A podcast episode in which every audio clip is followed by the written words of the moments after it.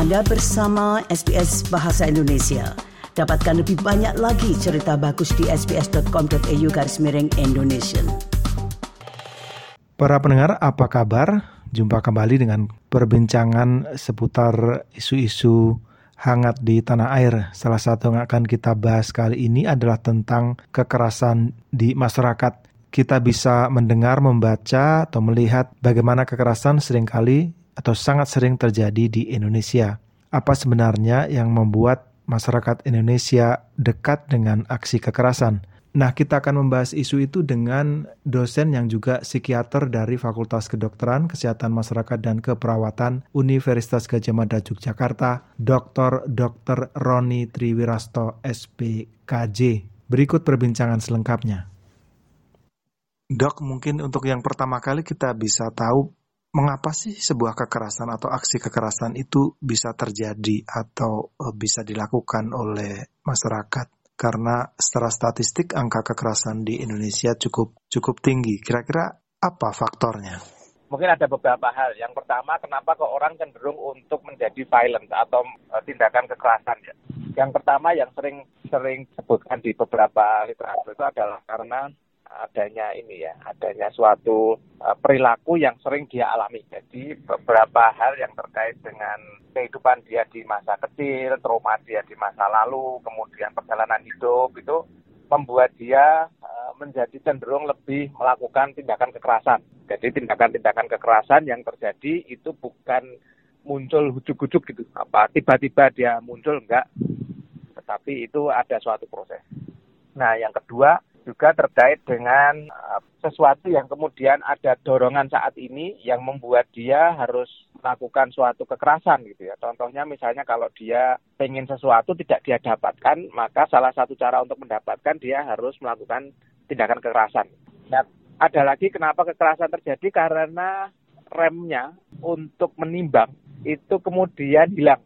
Nah, hilangnya rem untuk pertimbangan ini ini yang yang sering sering kita bahas ya contohnya seperti misalnya penggunaan alkohol kemudian apa adanya sabu gitu-gitu itu. Yeah. itu pertimbangan-pertimbangan yang yang membuat dia antara harus iya dan harus tidak itu menjadi kabur gitu. Ini salah satu ada contoh saja bagaimana kemudian seorang bergerak untuk tindakan kekerasan. Terus yang ketiga itu ada memang impuls dari dalam diri. Memang dia itu impulsnya memang meledak-ledak begitu untuk menjadi apa kekerasan. Dok, apakah ada apa yang mungkin dalam istilah saya uh, pendorong sesaat? Artinya begini, orang ini mungkin tidak punya latar belakang seperti yang tadi uh, Dokter Roni sampaikan. Tapi ya. misalnya dia melakukan atau bertemu dengan seseorang, kemudian dalam banyak kasus pernah ada misalnya dia ditagih utang begitu ya, kemudian ya. ya. begitu. Terus ya. kemudian ada kekerasan di situ sampai meninggal. Nah orang ini dalam pengakuannya bingung. Ya bisa terjadi, tetapi kalau itu dibuktikan agak sulit, mas. Beberapa literatur juga bisa disebutkan, uh, sering disebutkan juga begini, adanya acute insanity. Jadi insanity itu apa ya bahasa kita apa ya uh, kegilaan sesaat gitu. Jadi kegilaan itu bukan kegilaan dalam artian gangguan jiwa yang yang itu ya, tetapi kegilaan itu ketidaksadaran secara ya secara normatif, ketidaksadaran secara mental gitu itu sesaat.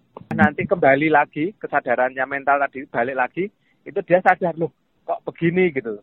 Ya mungkin itu bisa didorong karena rasa takut bisa didorong karena apa rasa kepepet terpaksa karena ada tetapi mau tidak mau di belakangnya pasti ada alasannya itu mas. Contoh misalnya tadi ya dia melakukan itu itu kan karena di, di utang kemudian kepepet. Kalau dia bisa bayar utang dia kan nggak akan begitu gitu maksudnya. Betul.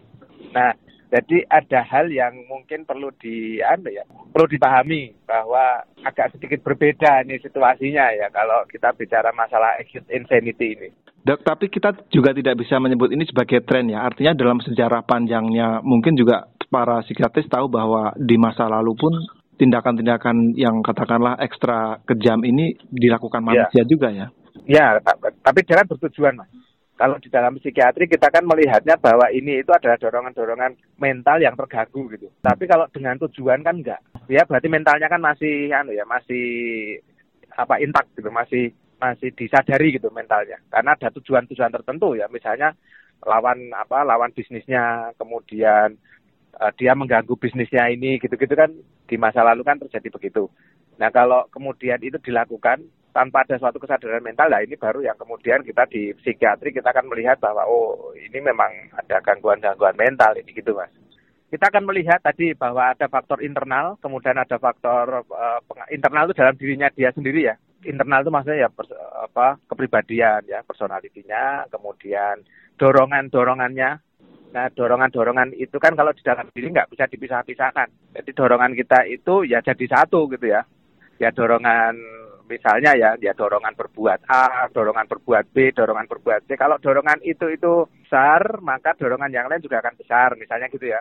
Kalau dorongan ini besar pada saat dia tidak didapatkan, maka dia nah, misalnya kalau seseorang pengen sesuatu, dorongan pengen sesuatunya besar, tidak dia dapatkan, maka responnya dia akan berperilaku kekerasan gitu untuk mendapatkan sesuatu yang tidak tidak didapat, didapatkan.